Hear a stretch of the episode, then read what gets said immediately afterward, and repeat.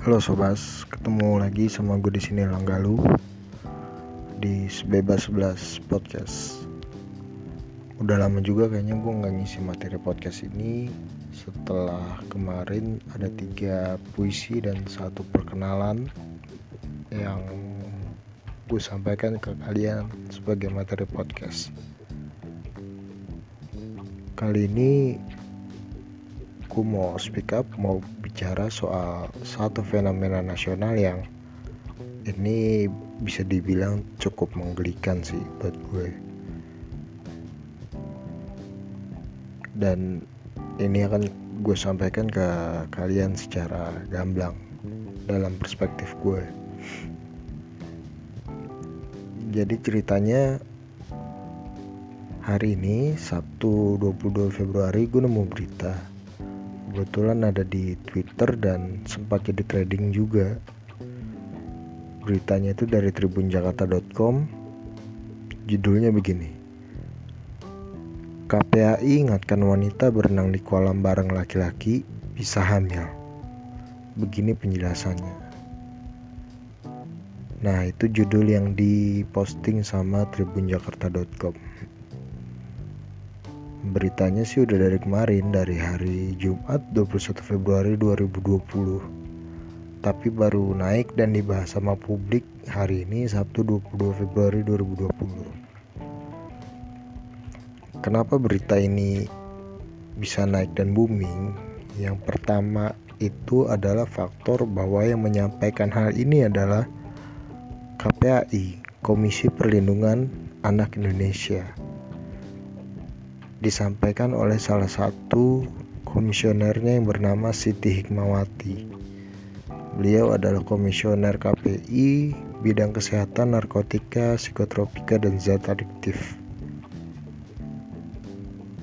Kalau misalkan yang menyampaikan kita tidak kenal atau yang menyampaikan orang yang kredibilitasnya tidak pernah kita tahu, jelas ini hal yang biasa aja. Karena ya bisa aja kemudian dia menyimpulkan bahwa laki-laki yang berenang dengan perempuan kemudian orgasme di kolam renang ada perempuan. Yang kebetulan juga ada di sekolah renang itu dia bisa hamil.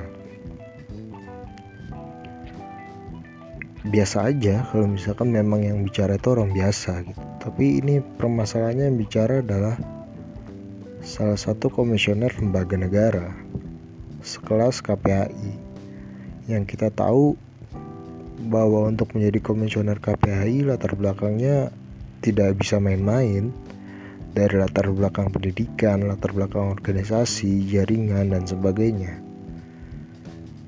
Jelas Bu Siti bukan orang yang tidak makan bangku sekolah, dia jelas sekolah, sekolah berpendidikan tinggi dan jelas juga dia orang yang memiliki pergaulan yang cukup luas karena dengan masuknya dia sebagai komisioner KPAI harus ada surat rekomendasi dari lembaga-lembaga terkait. Nah, dalam berita ini disampaikan oleh Bu Siti Hikmawati, dia bilang tidak menutup kemungkinan kaum hawa bisa hamil jika berenangnya dengan kaum laki-laki. Dasarnya, dia sebut kehamilan yang berindikasi dari kolam renang ini sebagai contoh hamil tak langsung. Pertemuan yang tidak langsung misalnya, ada sebuah mediasi di kolam renang, ujar Hikmah. Kemudian disambung oleh Bu Hikmah, ada jenis sperma tertentu yang sangat kuat. Walaupun tidak terjadi penetrasi, tapi ada pria terangsang dan mengeluarkan sperma dapat berindikasi hamil. Bibir dia lagi. Kalau perempuannya sedang fase subur, itu bisa saja terjadi. Ucap Bu Hikmah. Buat gue asli ini lucu. Pernyataan ini memang punya perspektif yang beda agak miring sih. Pertama pasti ya Bu Hikmah masa tidak tahu gitu. Kalau misalkan sperma berada di luar saluran yang tidak seharusnya sperma ini mati. Dalam hitungan detik sperma akan mati. Apalagi anggaplah kemudian Bu Hikmah punya persepsi kalau sperma ini nggak akan mati karena berada di kolam renang seperti jalur yang ada di testis hingga uh, penis dan masuk ke rahim.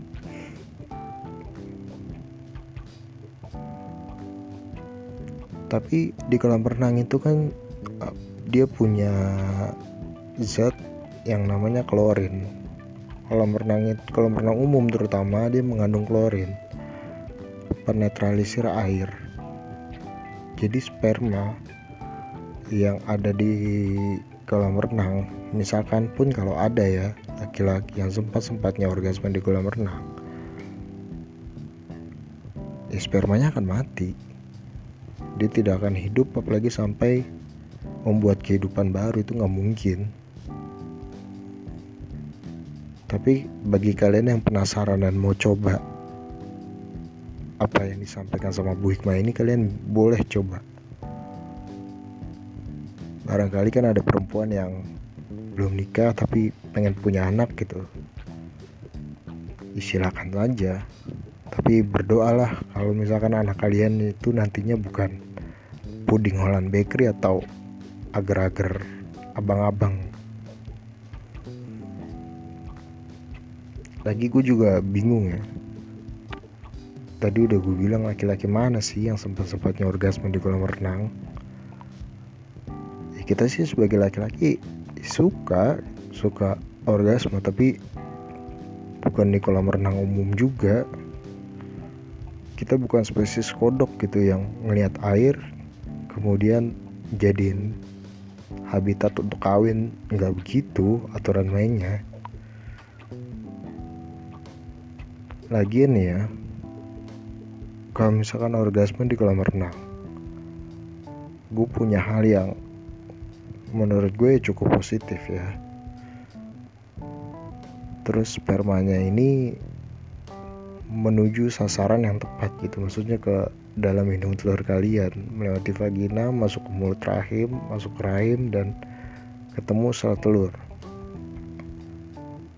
Gue yakin pas sudah gede anak yang dikandung sama perempuan yang berenang ini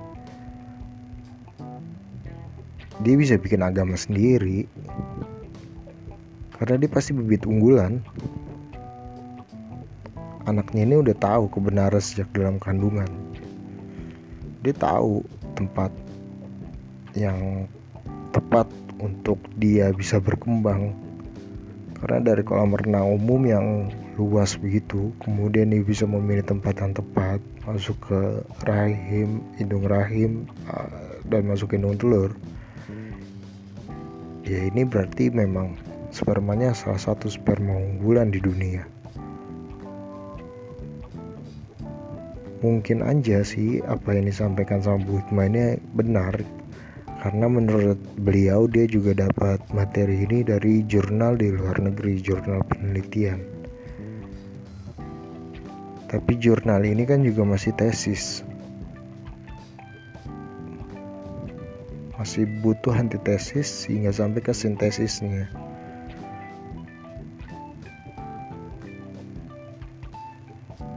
Nah, kalian uh, terserah mau mempercayai Bu Hikmah ini atau kalian harus berbanyak referensi lagi. Bener gak sih perempuan yang berenang campur dengan laki-laki di kolam renang umum bisa hamil? gue harap sih kalian banyak baca dan ya jadikan ini sebagai hiburan aja karena secara ilmiah memang ini tidak benar thank you sobat sudah dengerin podcast gue materi gue kali ini dan lain kali akan gue share hal-hal yang lain tentang kehidupan tentang apa pun yang menurut gue bisa jadi ilmu buat kita bersama. Oke, okay, thank you sobat, bye.